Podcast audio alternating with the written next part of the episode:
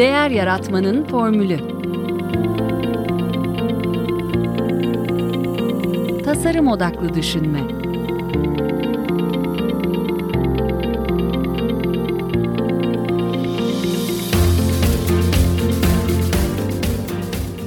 Merhaba, ben Mete Yurtsever. Yaratmanın Formülü Podcast'inde bugünkü konuğum Inventram CEO'su Cem Soysal. Hoş geldiniz Cem Bey. Hoş bulduk, nasılsınız?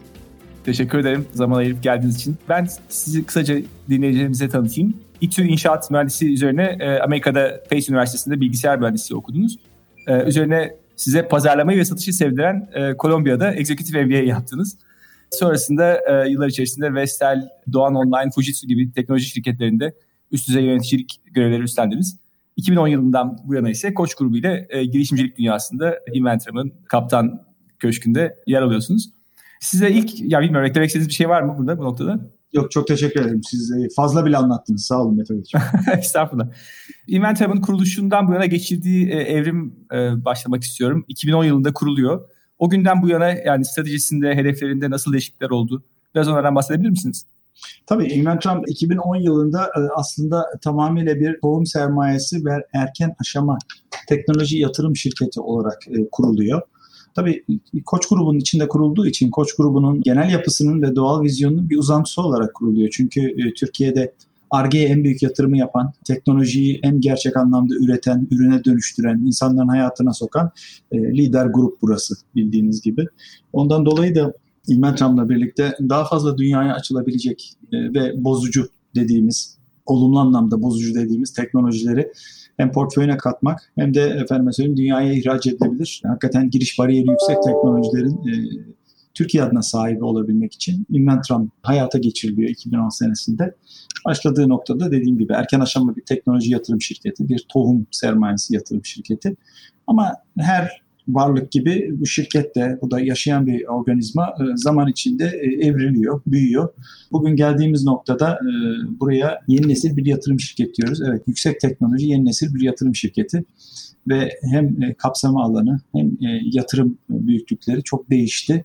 Bugün artık başlangıç aşaması yatırım şirketi değil, büyüme aşamasındaki teknoloji şirketlerini bünyesine, portföyüne alıp iştiraki haline getirip Onları da e, global pazarlara çıkaran en, en önemli belki de hani anahtar kelime burada global pazara çıkaran şirketiz. E, burada tutmuyoruz. Türkiye'nin teknolojisinin, Türkiye'nin beyninin gelişmiş pazarlarda kendine yer bulması için gereken her tür, gereken her tür komponenti, gereken her tür bileşeni iş modelinin içerisine adapte edip onu da hızlıca e, efendim söyleyeyim büyütüyoruz. Arzumuz bu yönde. Hı hı, harika.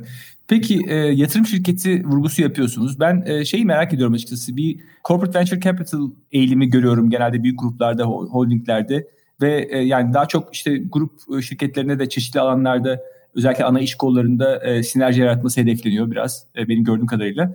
Sizin e, yatırım şirketi e, tercihinizin bir e, sebebini öğrenmek istiyorum ve sonrasında da e, yani Koç grubunun bu anlamda bir başka bir mekanizması var mı? Onu sormak istiyorum. Bilmiyorum Inventram'ın e, bu Preferred Partners programı e, bunun için midir? o farklı bir iş programı onu da e, arz ederim. Şöyle burası aslında fonksiyonu itibariyle işte Türkiye'nin en büyük grubunun CVC'si yani bir Corporate Venture Capital kolu. Ama yapısı bir girişim sermayesi ya da risk sermayesi fonu şeklinde değil bir yatırım AŞ şeklinde. Çünkü e, burası da aslında e, Koç grubunun kendisi gibi çok mini skalada e, bir holding şirketi. Altında iştirakleri olan bir teknoloji holding şirketi Inventram. Altında şu anda 9 tane iştiraki var. 5'i Amerika'da faaliyet gösteriyor. Birazdan arz ederim. Günün sonunda e, fonun kendine göre e, başka e, mevzuatları, başka süreçleri var. Biz daha ziyade bir yatırım aşı olarak bu işi büyütme kararı aldık yeni nesil yatırım şirket dedik. Onun da bir sebebi var. Onun da arkası dolu. Ee, yeni nesil olmasının sebebi üç tane e, özelliğinden kaynaklanıyor. Dediğim gibi yani şirketler e, aslında yaşayan organizmalar gibi hem davranış biçimleriyle hem başarılarıyla hem e, yaşadıkları başarısızlıklarla hakikaten bir hayat döngüsü var şirketlerin. E, Inventram'da işte büyümüş olan bir şirket ve farklılaşmış olan bir şirket. Bir kere Türkiye'de her zaman çok farklıydı. Neden farklıydı Mete Bey? Çünkü dedi ki biz patentle korunan çok derin teknolojilere yatırım yaparız. Benim aynı zamanda bir diğer şapkam var. Hani ona da dayanarak söyleyeceğim. E, Galata Business Angels Türkiye'nin en büyük melek yatırımcı ağının kurucularındanım ve e, yönetim kurulu üyesiyim. Orada çok değerli dostlarım var, yatırımcı arkadaşlarımla, internetten gelmiş olan çok değerli arkadaşlarımla. Ve bu sektörü birlikte büyüttük o insanlarla. Çok başarılı insanlar var. E, orada daha ziyade internet tabanlı, oyun tabanlı, yazılım tabanlı işlere yatırım yapıyoruz. E, VC'lere bakıyorsunuz yine e, aynı trendde yatırımlar. Inventam bunlardan biraz farklı. Inventam ilk günden beri dedi ki biz içinde işte elektronik tümleşik sistemler olan, içinde ciddi yazılım olan, içinde patentle korunan giriş bariyeri yüksek mühendislik teknolojileri olan işlere gireriz diye yola çıktı Inventam. Ve hakikaten bizim ele aldığımız işler hem biraz zaman sabır gerektiriyor hem çok derin bilgi gerektiriyor yerine göre kaynak da gerektiriyor. Döneceğim o noktaya. Neden yeni nesil yatırım şirketi? Ee, bir kere e, adapte olan bir şirketiz. Adapte oluyoruz. İşte bugünün koşullarına çok hızlı adapte olduk. Başka pazarların koşullarına adapte olabiliyoruz. Ama onun ötesinde daha iyi öğrenen bir şirketiz. Aynı yaşayan bir varlık gibi öğrenen bir şirketiz. Neyi öğreniyorsunuz diyeceksiniz.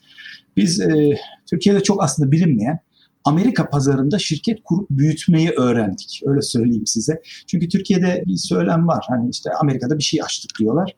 Sonra gidiyorsunuz bakıyorsunuz Amerika'nın spesifik bir eyaletinde bir posta kutusundan ibaret. Bizim öyle değil. Bizim Amerika'da bugün 130'dan e, fazla çalışanı olan 5 tane 5 ayrı eyalette büyük şirketimiz var. Her birinin ürünü var, her birinin pazarı var. Amerika'da şirket kurmanın e, tabii e, hukuk tarafı var. Amerika çok regüle bir ülke. Amerika'da şirket kurmanın e, bir mali işler tarafı var. Çünkü e, çok o, atak ve çok e, alacağına e, şahin bir vergi sistemi var. Aynen bir IRS sistemi var. Internal Revenue Service var. Bizim gelir dersi, Amerika Gelir Dersi Başkanlığı diyebiliriz ona e, dinleyicilerimiz için. Onun için çok sağlam bir muhasebe sistemimiz ve çok sağlam mali müşavirlerimizin olması gerekiyor. Bunlar da yeterli olmuyor. Çok bulunduğunuz alanda, faaliyet gösterdiğiniz alanda çok doğru iş ortaklarıyla da çalışmanız gerekiyor ki doğru ürün, doğru hizmet bir an önce çıksın. E, e, çıkardığınız her ürün, her hizmet neredeyse neredeyse hepsi bir lisansa, bir sertifikasyona tabi. Çünkü toplumun standartları var. Yani sağlıkla ilgili bir şey yapıyorsanız FDA'den bir tabii ki bir clearance, bir onay, bir e, lisanslama almak zorundasınız. Başka teknolojiyle ilgili bir ürün geliştiriyorsanız ona göre bir takım uluslararası standart organizasyonunun belli kodlu standartları var. Onun için ülke e, standartlar üzerine kurulmuş. Bunları öğreniyoruz. Yani Amerika'da şirket nasıl kurulur, ekip nasıl kurulur, kurulan şirket nasıl büyütülür, nasıl yatırımcılara götürülür. Bu bir öğrenme süreci. Bunu öğrendik, ellerimizi yıkadık, bitirdik. Bu da değil. Halihazırda öğrenme sürecinin içindeyiz. Ama birçok Türkiye'deki bu işe niyetlenmiş insana göre çok ciddi kilometre kat ettik. E, arkamızda koç grubu olduğu, koç grubunda inanılmaz değerli desteği olduğu için, sahip çıkması olduğu için. Bir üçüncüsü, bir üçüncüsü e, bütün belki de VC'lerden farkımız, e, VC'ler genelde rapor alırlar yatırım yaptıkları e, portföy şirketlerinden. Onları e, izlerler.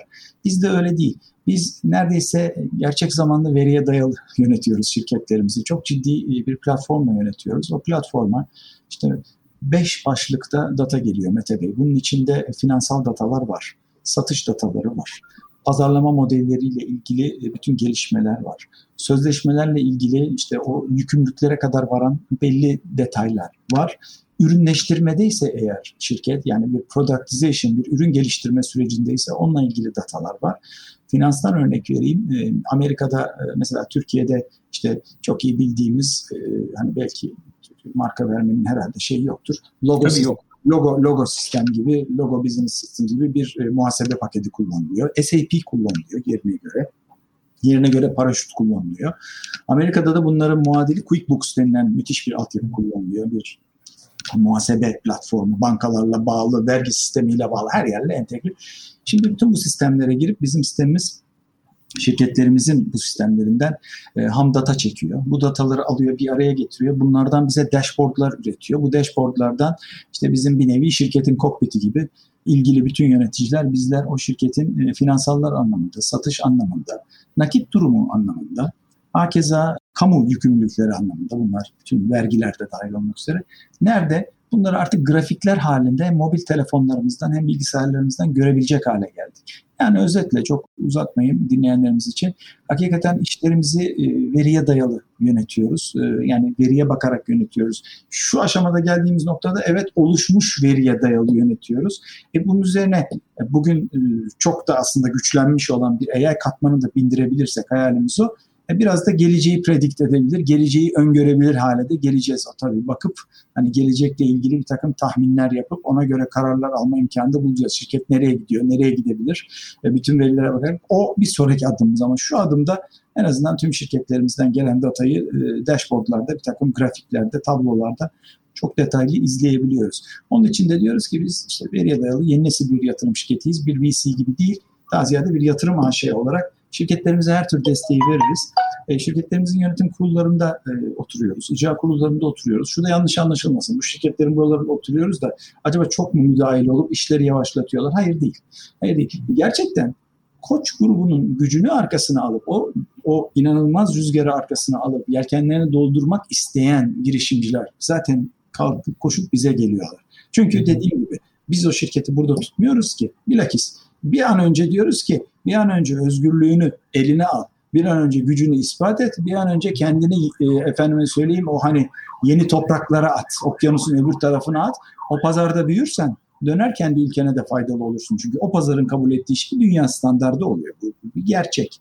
E, sonu teknolojinin vahası da orası, patentin de vahası orası, e, tüketimin de cenneti orası, pazarlamanın da diyarı orası. E, bütün bunlarda bu modelin içinde işini geliştirip de tüketiciye ya da kurumlara kabul ettirirsen Türkiye'de hakeza çok rahatlıkla e, efendim söyleyeyim zaten bu pazar sana kucak açacaktır diyoruz. Sen de zaten bir Türkiye menşeli bir teknolojisin diyoruz. Hepsi milli, hepsi yerli. Neden hepsi milli, hepsi yerli? Çünkü hani bunu şıklık olsun diye söylemiyorum. Girişimcileri Türk. Türkiye'den hakikaten çok değerli beyinler çıkıyor. Yerine göre akademisyen bu adamlar, yerine göre iş insanı. E, ama hepsi de hakikaten çok iyi eğitimler almış, çok parlak beyinleri olan insanlar, çalıştığımız insanlar bunlar.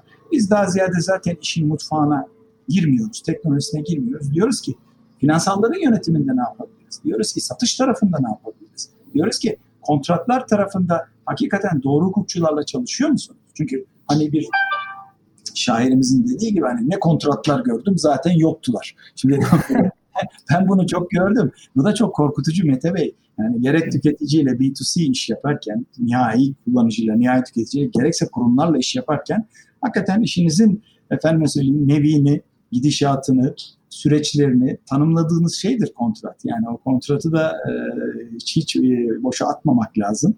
E, e, zamanı geldiğinde zaten size gelecek olan yatırımcılar, finansal yatırımcılar, stratejik yatırımcılar, due diligence dediğimiz sizin genel durumunuzun fotoğrafını çekecekleri zaman iki şeye bakıyorlar. Bir tanesi finansallarınıza bakıyorlar. Öbürü de şu kontratlarını ver bakayım kimle ne anlaşmam var diye bakıyorlar. Demek ki bunlar çok kıymetli evrak. Bunlar çok kıymetli sürecin aslında dökümanları. Onun için bu, bu süreçlerinde hakikaten koç standartında, dünya standartında yapılması için elimizden gelen her tür her tür bilgiyi ortaya koyuyoruz.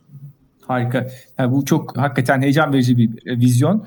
Bir anlamda NBA'de oynayacak oyuncu yetiştiriyorsunuz. Mümkünse NBA evet. Benim de sevdiğim örnek orası zaten. Doğru. Doğru. Peki Koç grubundan bahsettik. Siz Koç grubunun e, girişimcilik ve inovasyon ekosistemini sizinle olan ilişkisi bağlamında nasıl e, tanımlıyorsunuz? Aynı zamanda siz K-Works'ün de e, yönetim kurulundasınız. Bilmiyorum farklı bir alan dediniz ama bu Preferred Partners programında belki burada bahsedebilirsiniz. Memnuniyetle dediğim gibi yani zaten e, Koç grubunun e, genlerinde teknoloji, ARGE, geliştirme, patent bunların hepsi açık ara var. Türkiye'de zaten bu işlerin e, örneğini teşkil eden e, Türkiye'nin e, en büyük lider topluluğu ondan yana gurur duyuyoruz. Şimdi o topluluğun e, parçası olunca tabii mesela bizim koç topluluğu içerisinde koç inovasyon programı var çok kapsamlı olarak işte girişimcilik ve inovasyon kültürünü koç topluluğuna yaymak için yapılan çalışmalar. Ben de o inovasyon grubunun parçasıyım. Onun için konuşabiliyorum onun adına. Orada e, kurum içi girişimcilik, yaratıcılık, kurum içinden çıkabilecek olan yeni teknolojiler, belki yeni startup şirketler, bütün bunlar araştırılıyor, değerlendiriliyor, destekleniyor. Koç İnovasyon Programı bütün grubun içinde çok verimli ve efendim çok düzgün yönetilerek ilerletiliyor şu anda. Bir diğeri dijital dönüşüm programı. Dijital dönüşüm programı o bambaşka bir şey. Dijital dönüşüm neredeyse bugün e, 500'den fazla koç topluluğunun o bildiğiniz bütün lider şirketlerinde 500'den fazla iş sürecinde dijital inisiyatif belirlendi. Dijital dönüşüm inisiyatifleri belirlendi. Ve burada koç grubu içinde dijital dönüşüm hani sadece böyle bir e, hani dönem o ondan dolayı e, hayata geçirilen bir e, sıcak ibareden ibaret değil. Burada hmm. tamamıyla bu bir kere dijital dönüşüm verimlilik demek bu grup için. Dijital dönüşüm kesinlikle ve kesinlikle maliyet tasarrufu demek. Yani rakamlara yansımadığı zaman dijital dönüşüm burada kabul görmüyor. Üst yönetimimiz onu tamamıyla rakamsal hedefler olarak görüyor. Çünkü dijital dönüşüm dediğimiz şey evet hayatları kolaylaştırıyor ama birçok süreçte maliyetlerden de efendim şey, giderlerden de tasarruf ediyor. Aynen öyle. Giderlerden çok ciddi tasarruf yaratıyor. Bizim için aynı zamanda sürat demek, işlerin süratlenmesi demek. Ve en önemlisi belki de işte Koç grubunun en önemli paydaşlarından bir tanesi e, Koç grubu şirketlerinin müşteri deneyiminde kalitenin çok yukarı çekilmesi demek. Onun için dijital dönüşüm demek bizim için e, 4-5 tane e, çok önemli bileşeni yansıtıyor. O da çok başarıyla 500'den fazla e, şirketlerimizin e, iş süreçlerinde zaten ortaya konuldu inanılmaz değişimler oldu. Yani bankacılıktan, e, elektronik e, tüketim eşyalarından perakende kanalımıza kadar muhteşem e, efendime söyleyeyim günün gereklerine ayak uyduran bazen de çok şaşırtıcı müthiş müthiş projeler hayata geçti. Grubun her şirketi kendi alanında çok başarılı. Onun için biz de ona ayak uydurma zorunluluğuyla ve o aslında o, o motivasyonla, o heyecanla e, hakikaten e, e, hayata geçirmesi zor. Ancak geçtiği zaman da e, dünyada çığır açacak, e, konvansiyonel iş yapma standartlarını kesin olarak değiştirecek işlere yöneldik. Ve e, yatırımlarımızı e, bu böyle bir portföyden oluşturuyoruz. Bu preferred partner dediğimiz preferred partner hikayesi enteresan. Preferred partner bundan e, yaklaşık 6 yıl önce biz baktık ki bir yatırım şirketi olarak elimizdeki işleri hemen paraya döndüremiyoruz. E bir yerden de para bir yerden de para kazanmamız lazım. E ondan sonra yönetim kurulumuza hesap verirken şuradan da bir satış yapıyoruz, para kazanıyoruz diyebilmek için biraz benim ve arkadaşlarımın birlikte ortak akılla yarattığımız bir iş modelidir. E, o uzunca sürede e, erken aşama şirketlere çok yaradı. İş modeli özü de şu Mete Bey çok basit aslında. Bizim sahibimiz olan Koç Holding'in, Koç Toplum'un çatısı altında Türkiye'nin en lider kuruluşları var. Enerjiden bankacılıktan otomotive beyaz eşyaya kadar. E, e, bir de bu tarafa bakıyoruz. Bu, bu sol tarafa. Sağ tarafa bakıyoruz. Sağ tarafta da Türkiye'nin yeni genç e, çok derin teknolojilerle yatıp kalkan bunları üretebilen e, çok parlak e, startupları var.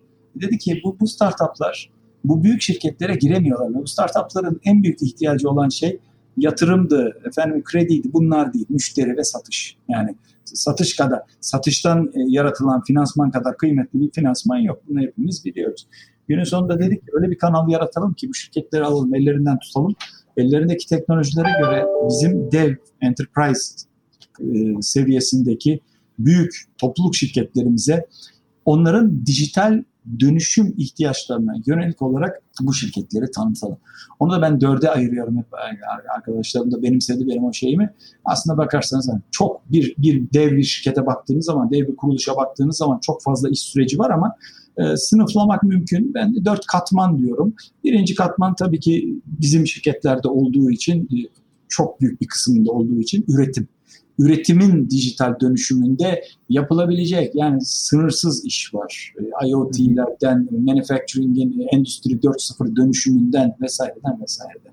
Üretim katmanı. İkincisi lojistik ve dağıtım. Lojistik ve dağıtım yine dijital dönüşümün çok ciddi supply chain tarafı dijital dönüşümün çok ciddi el attığı en önemli iş süreçlerinden biri. Hatta bugün hani lojistik e, en yıldız işlerden biri haline gelmiş durumda. Çünkü evlere çekilince hepimiz salgın hastalıktan dolayı lojistik çok daha fazla önem arz eder hale geldi hayatlarımızda. Hayatlarımızın ayrılmaz bir bileşeni haline geldi. Bu ikincisi. Üçüncüsü ben ona kurumsal süreçler diyorum. İşte bir corporate governance dediğimiz bir kurumu kurum yapan işte finansalların yönetimi, iş geliştirme, insan kaynakları yönetimi gibi iç süreçleri bir kurumun Üçüncüsü bu, burada da burada da bir takım yazılımlarla, bir takım platformlarla yenilik getiren Türkiye'de çok parlak, çok yaratıcı iş modelleri var. E bir dördüncüsü benim en sevdiğim taraf, ona satış kanalı diyoruz. E, satış kanalında e, satış kanalında hem pazarlama tarafı hem de özellikle e, satış kanalı tarafı e, orada da özellikle demin de söylediğim gibi müşteri deneyimini e, çok farklı noktalara taşı, taşıtabilecek. Belki bayiye gitmeden ilgili aracın içini gezmekten başlayın da efendime söyleyeyim evinize aldığınız buzdolabının size sunduğu son derece inovatif kolaylıklar ve yeniliklere kadar varan ondan sonra e, çok geniş yelpazede orada da dönüşümler söz konusu. E dedi ki bunların hepsi de içeride yapılmak zorunda değil. Bunları yapan bir takım e, genç şirketler var. Bu genç şirketlerle bu büyük topluluk e, şirketlerini biz buluşturalım. Burada ihtiyaç var. E, yani burada arz var, burada talep var. O arzla talebi e, örtüştürelim. Hepsi içeride bu, bu ihtiyaçların dijital dönüşüm süreçlerinin hepsini içeride gerçekleştirmeye imkan yok. Hakikaten bundan para kazanan, hayatlarını bununla idame ettiren ve bu yaratıcılığı ortaya koyan, bu dedikasyonu ortaya koyan şirketleri de bunlarla buluşturalım. Inventran Preferred Partners yani elle seçilmiş 40 civarında şirket 50'ye çıktı zannediyorum şimdi. Böyle çıktı ortaya. Şu anda e, çok ana konsantrasyonumuzda değil. Çünkü Mete Bey 9 tane e, şirkete e, büyük ölçekli yani baktığımız zaman Inventram'ın yatırım gücüne işte 2 ila 10 milyon dolar arasında şirket başına yatırımlar yapıyor. Bugün Türkiye'de VC'lerin yaptığı yatırımın da ötesine geçti. Çünkü Hı-hı. ciddi bir portföy oluşturuyoruz. E, e, girdiğimiz işlerin e, bir kısmı eğer bu iş Amerika'ya gidecekse Amerika'da bir iş ayağa kaldırmaya başladığınız zaman e, zaten 3-5 milyon dolardan başlıyor o işin 2 yıllık, 3 yıllık efendim söyleyeyim işletme sermaye ihtiyacı. Onun için rakamlar büyük. Hal böyle olunca ve gerçekten e, kaynağımızı, konsantrasyonumuzu bu tarafa verince e, öbür işi de yürütüyoruz ama ana işimiz değil. En azından orada Türkiye için bir örnek oluşturduk. Çok da oradan e, şöyle söyleyeyim size ilham alan şirketler de oldu, ilham alan e, bir takım yapılar da oldu. Dediler ki biz işte yani genç şirketlerle şeyleri buluştururuz, kurumları buluştururuz. Hani e, ne yalan söyleyeyim ilk onun onun ilk patenti de bize ait, bizim buluşumuzdur. O da bir şeydendir yani, ihtiyaçtandır. Gelir yaratamıyoruz, rezil olmayalım, gelir yaratacak model bulalım diye ortaya çıkmış bir iştir yani. Ama özellikle de startuplara da bu, bu tarz dijital dönüşüm ihtiyacı olan kurumlara da e, çok yararlı oldu. O bir anlamda sizin sosyal sorumluluk projeniz gibi olmuş aslında. Çok çok mutlu etti bizi. Çok işe yaradı. E, çok sayıda da çok kaliteli e, genç şirket tanıdık o sayede. Harika. Cem Bey bu tabii ki şimdi şeye gelirsek Inventram'ın yatırım yaptığı alanlar ve çalışma e, şeklinde bir yatırım komitesi e, var. Ondan bahsetmenizi e, isterim açıkçası. E, ve yani bütün yaptığı, yatırım yaptığı şirketler alanlar ben de gördüğüm kadarıyla hakikaten hani çığır açan ve insanı gerçekten çok heyecanlandıran işler. Biraz onlardan bahsederseniz çok sevinirim. Orijinal yatırım komitemiz ilk kurduğumuzda çok idealize ettik ve böyle e, oldukça kalabalık bir yatırım komitesi oluşturduk. Bilmiyorduk işi o zaman. Dedi ki e, ne kadar çok e, fikir, ne kadar çok görüş o kadar iyi olur. E, öyle değilmiş. öyle değilmiş. E, o süreci yavaşlatabiliyormuş. E, her zaman e, ortak akıl ve e, fikir birliği çıkmayabiliyormuş.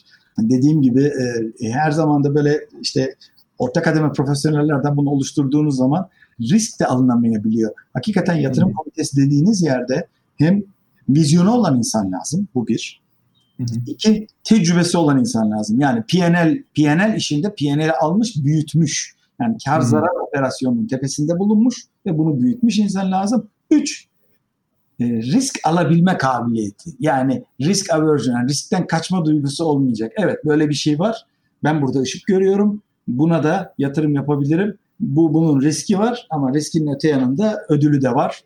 Topluluğumuz için, ülkemiz için diyebilecek insanlar olsun dedik. E, öyle deyince e, hemen e, zaten adres belli oldu. Yani e, bütün bu e, hakikaten çok çok değerli özellikleri taşıyan birkaç tane insan var. Bizim e, koç topluluğumuzun sayın CEO'muz şimdi yatırım komitemizde.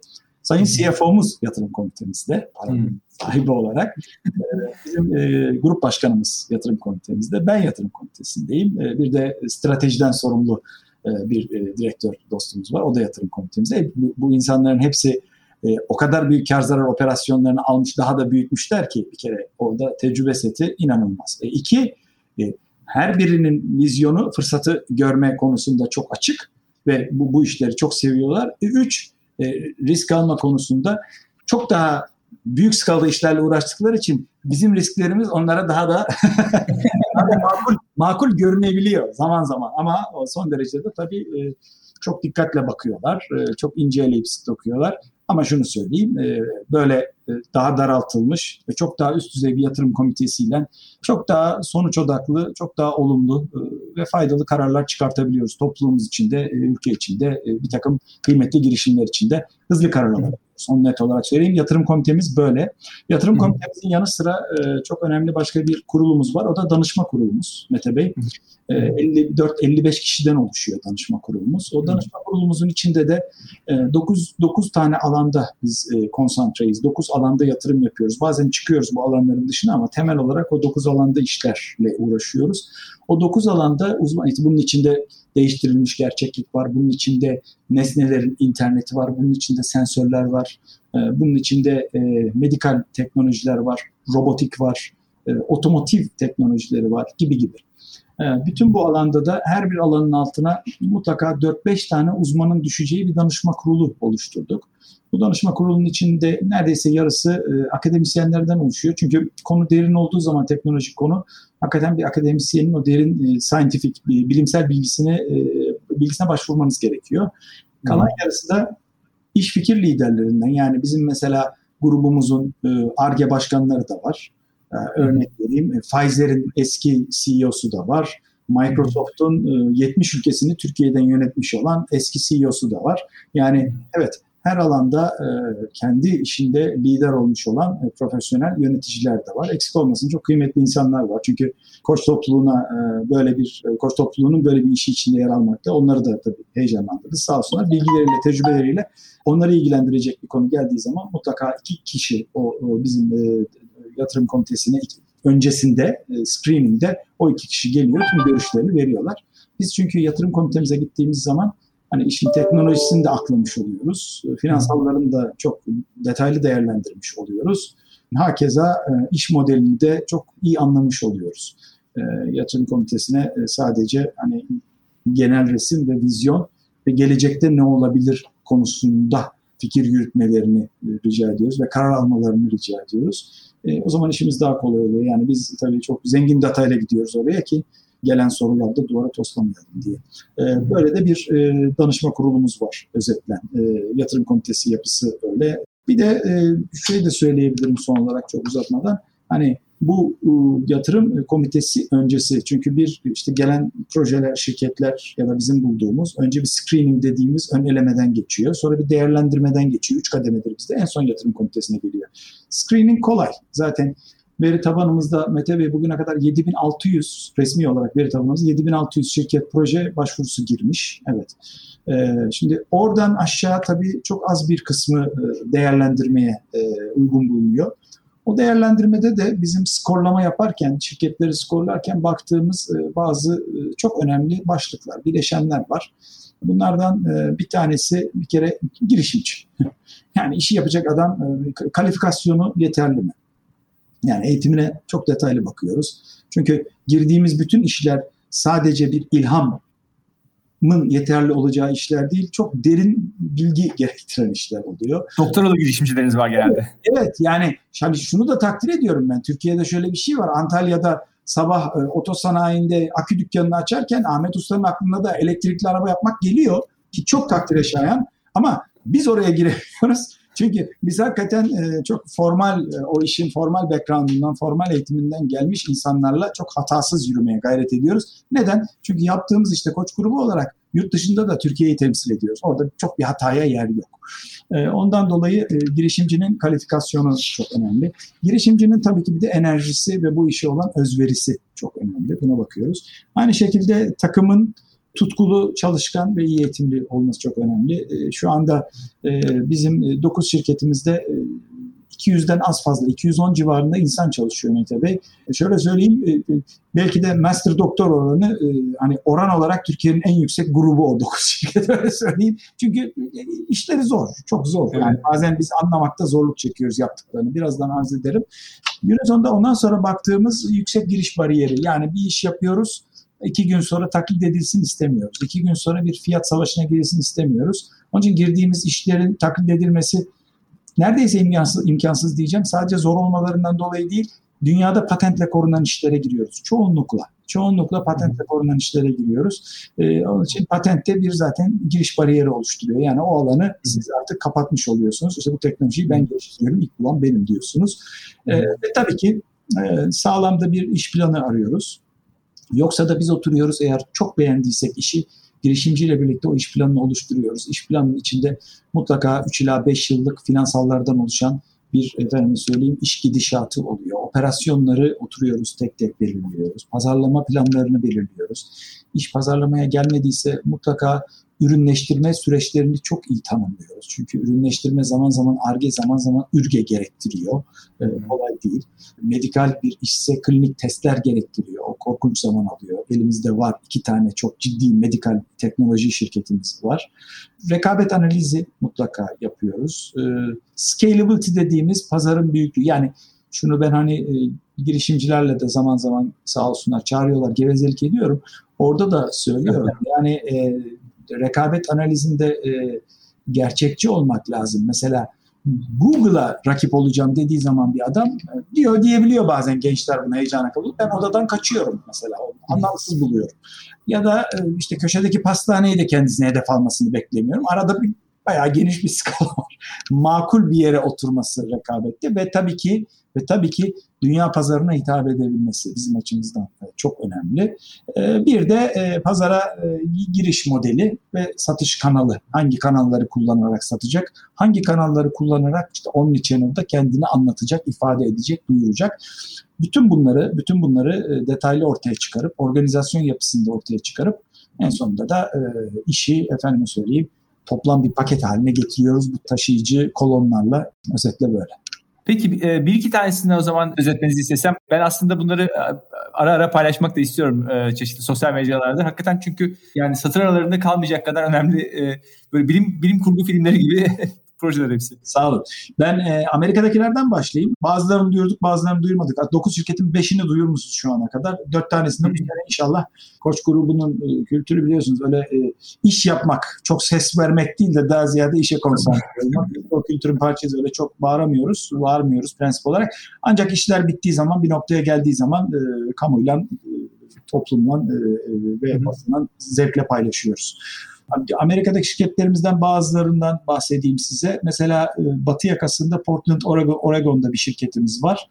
Sensobright adı bir e, robot teknolojisi. Robotik teknoloji şirket diyoruz ama aslında yaptığı şu. Robotlar biliyorsunuz fabrikalarda kol olarak faaliyet gösteriyor. Robot kolları görürsünüz ve çok akıllı donanımlı işler yaparlar ama robot elleri hala filmlerde var. El yani o beş parmaklı insanı aslında insanı tüm diğer tüm diğer varlıklardan ayıran en önemli avantajlarından biridir bilirsiniz uzuv el. Çünkü çok Hı-hı. akıllı bir uzuvdur ve o elle Hı-hı. yapabildiğimiz şeyler oldukça neredeyse sınırsızdır. Beyinde de çok büyük bir alan e, kaplıyor. Kaplıyor evet.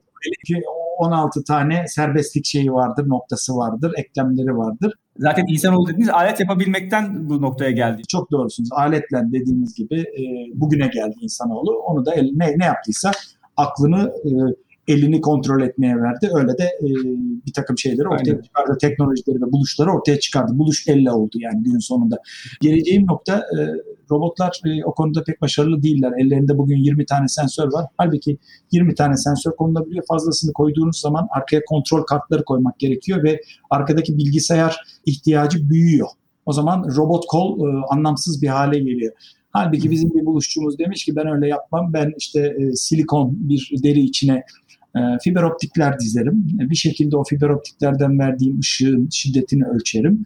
Ondan sonra da o parmak bir yere dokunduğu zaman oradaki ışığın şiddetinin değişiminden e, basıncı, sıcaklığı, ondan sonra uygulanan kuvveti hepsini görebilirim. Şimdi parmağın ucu dediğimiz şeyde 241 tane reseptör var, sinir ucu var. Onun için dokunduğumuz deriyi, tahtayı, metali, soğuğu, sıcağı her şeyi ayırt edebiliyoruz. Uyguladığımız basıncı da hissedebiliyoruz her tür. Çünkü her birinde santimetre karede 240 tane, elde on binlerce topladığınız zaman bulabilirsiniz. Halbuki öbürü 20 tane sensör olan bir şey. Neye benziyor robotun bugünkü hali? Kayak eldiveni giymiş bir adam e, ayakkabısını bağlamaya çalışıyor. Bağlayamazsınız, hissetmiyorsunuz çünkü. Zavallı bir halde. E, bu hocamızın buluşuyla e, santimetre kareye şu anda 6 eksenli bir CNC tezgahı geliştirdi. 250 tane fiber optik dizebiliyor. Bildiğiniz insan siniri kadar robotun parmağına hassasiyet verebiliyor. Bir adım sonra yapabiliyor onu ama şu anda geliştiriyor Amerika'da. Bin tane olacak. Bu şuna benziyor Mete Bey. Bizim burnumuzda köpeğin burnu. İşte köpeğin burnu bizim hmm. almadığımız çok acayip kokular oluyor. Çünkü sinir uçları çok daha gelişkin. Robotun da elinde insanın neredeyse 4 katı 5 katı fazlalığında sinir ucu olacak. Bir anlamda korkutucu evet ama bir anlamda da işte bu kaçınılmaz e, girişim. Robotlar insanların yaptığı ve yapamadığı birçok işi çok yüksek hassasiyetle yapabilir hale geliyorlar bu silikon deriyle. Şu anda o şirketimiz özetle bunu geliştiriyor. Bir diğer şirketimiz hemen onun güneyinde e, Silikon Vadisi'nde Palo Alto'nun hemen yakınında San Jose şehrinde CY e, Vision diye bir şirketimiz. E, bu da duyurduğumuz şirketlerimizden.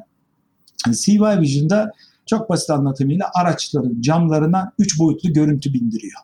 Bugün araç bilgisayarında ya da halihazırda araç camlarında çok dar olarak iki boyutlu gelen görüntüleri bildiğiniz çok geniş açıyla üç boyutlu olarak araç camlarına bindiriyor.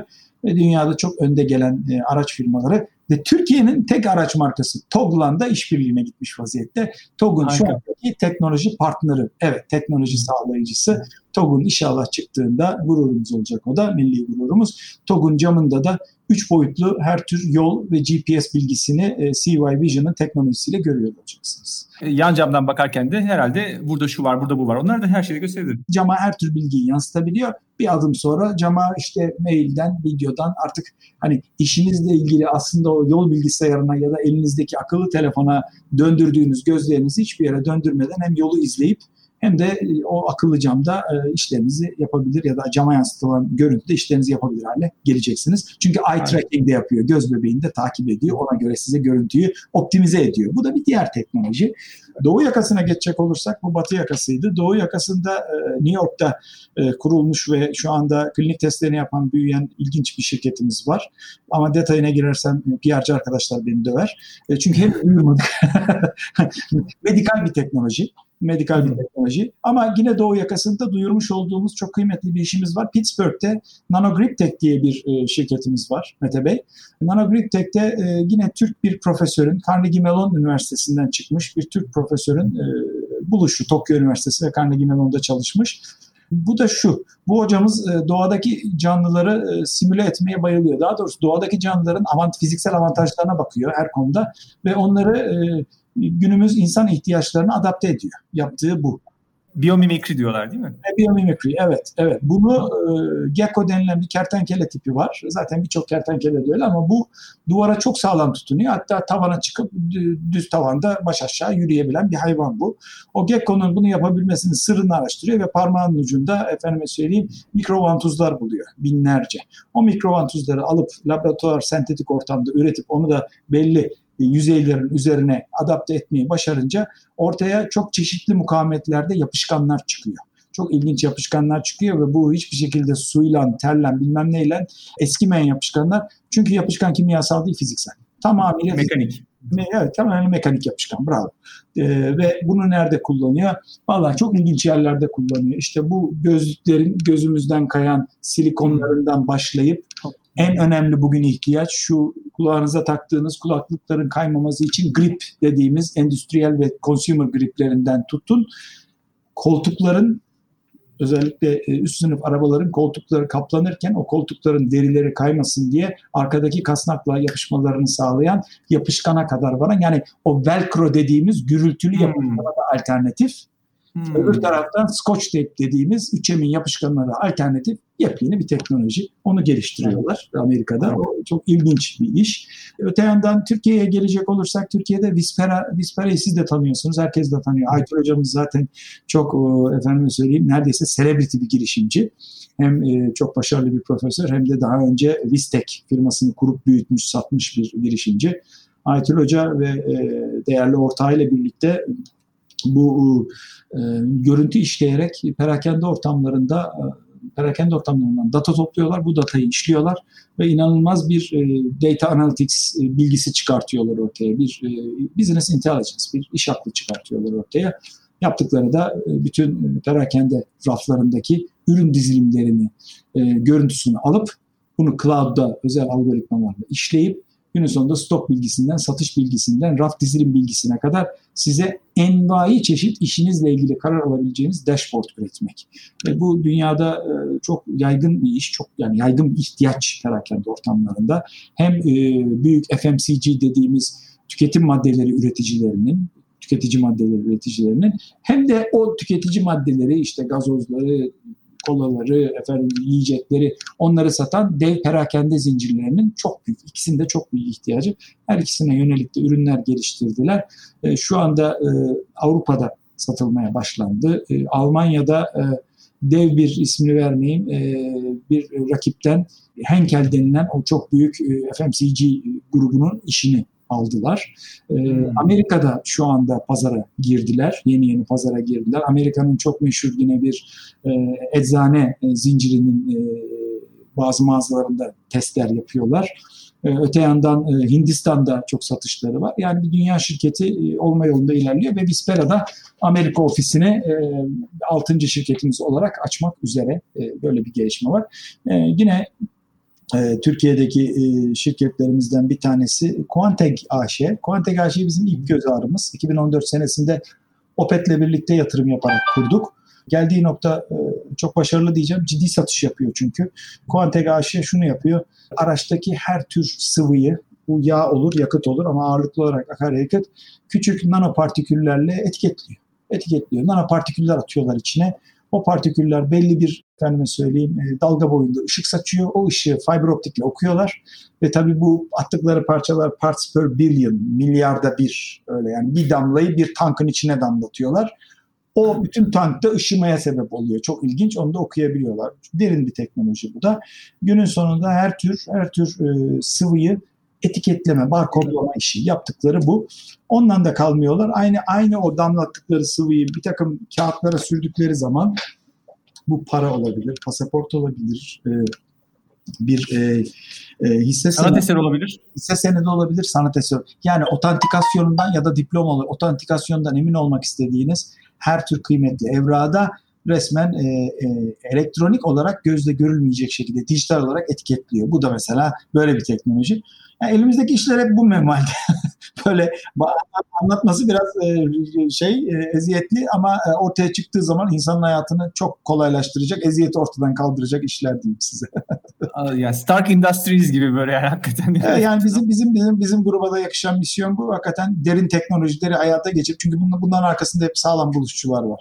E, o buluşçulara doğru kaynakları, doğru insanları ve doğru pazarları açtığınız zaman e tabii ki yani o sadece bütün geniuslar Amerika'da değil, Türkiye'de de geniuslar var. Onları e, doğru bileşenlerle donattığınız zaman e, ilginç işler, ilginç ürünler çıkıyor ortaya Türkiye markasıyla. Tam şimdi ona geleceğim. Sondan önceki sorum. Türkiye'nin e, bu alanda başarısının artması için yani dünyaya açılan girişimleri için sizce neye bağlı? Yani şöyle söyleyeyim. 5 tane daha Inventem gibi şirket olsa bir çare olur mu? Yoksa başka tür şeyler mi lazım? Şöyle tabii biz bir anlamda hani tabiri caizse enabler, imkan veren şirketiz. İmkan veren şirketlerin tabii ki imkanı olan grupların gücüyle e, bu tip şirketlerin olması çok önemli.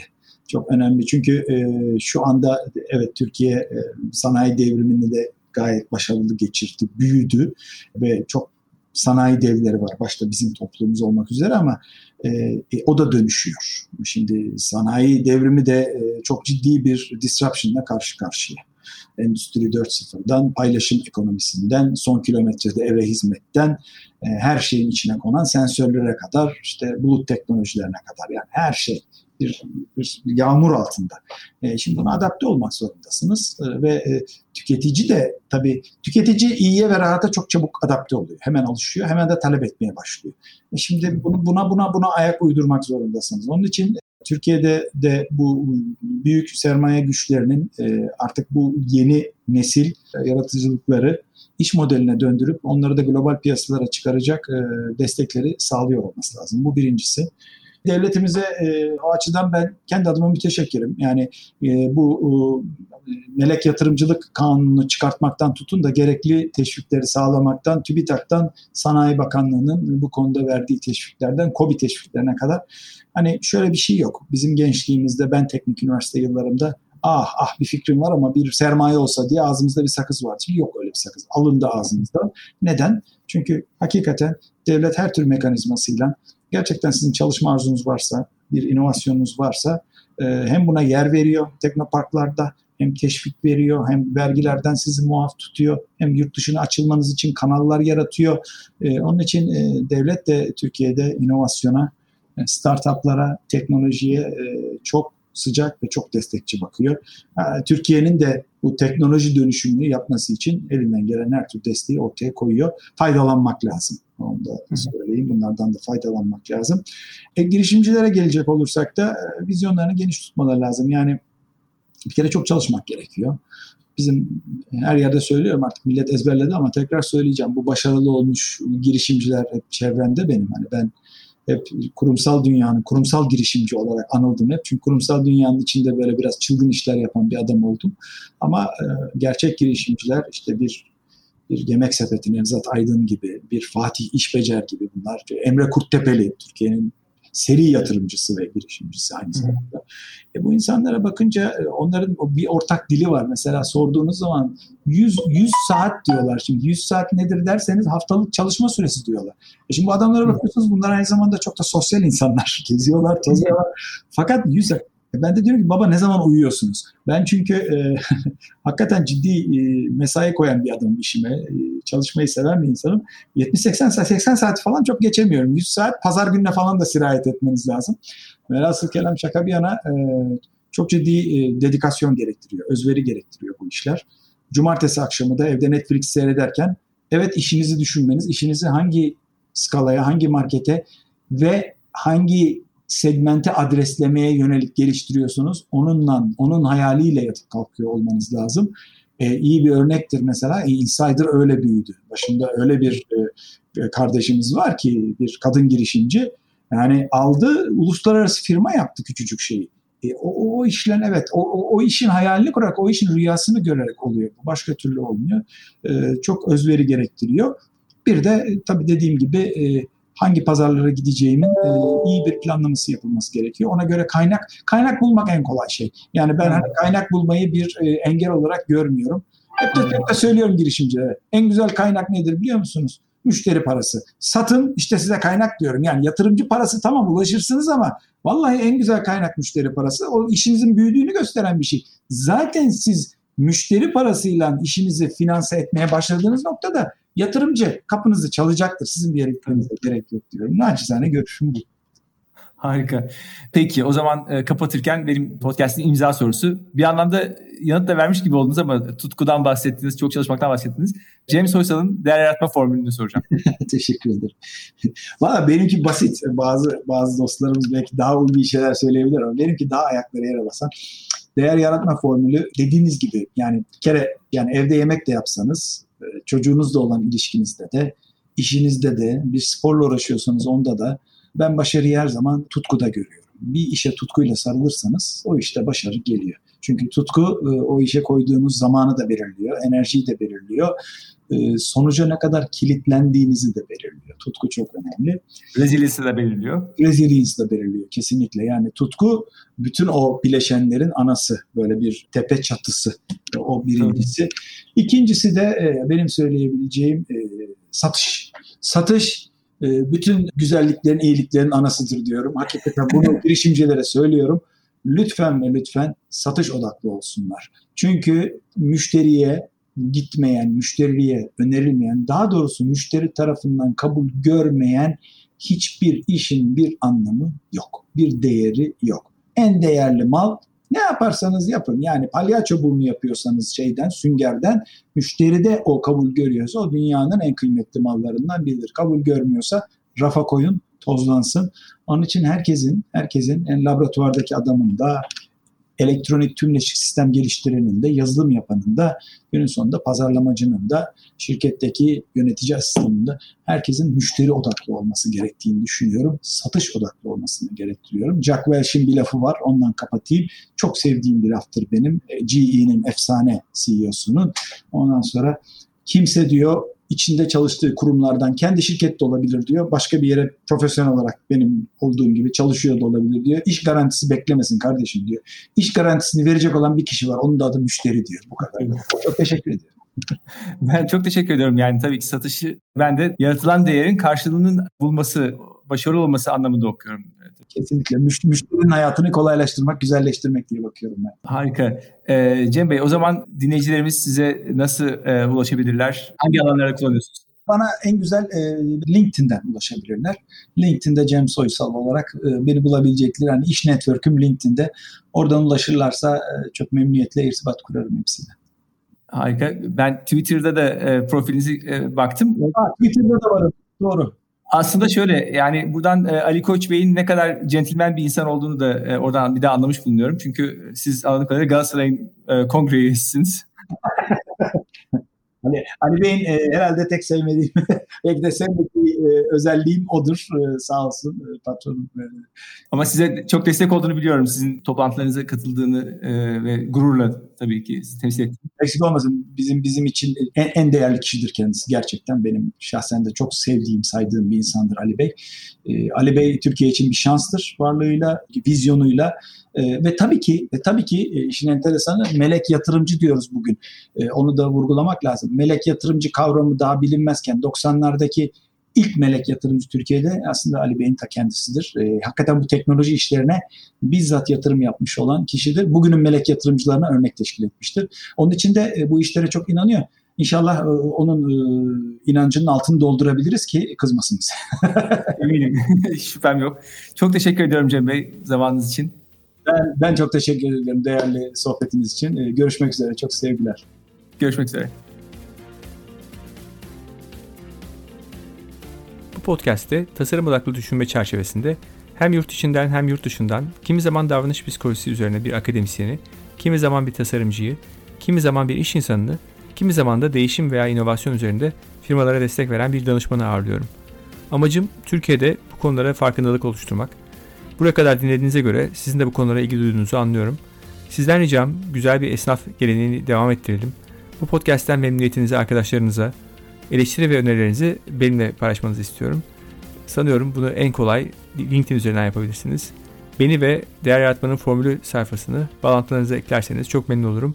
Desteğiniz için çok teşekkür ederim. Tekrar görüşünceye dek sağlıkla kalın, hoşçakalın.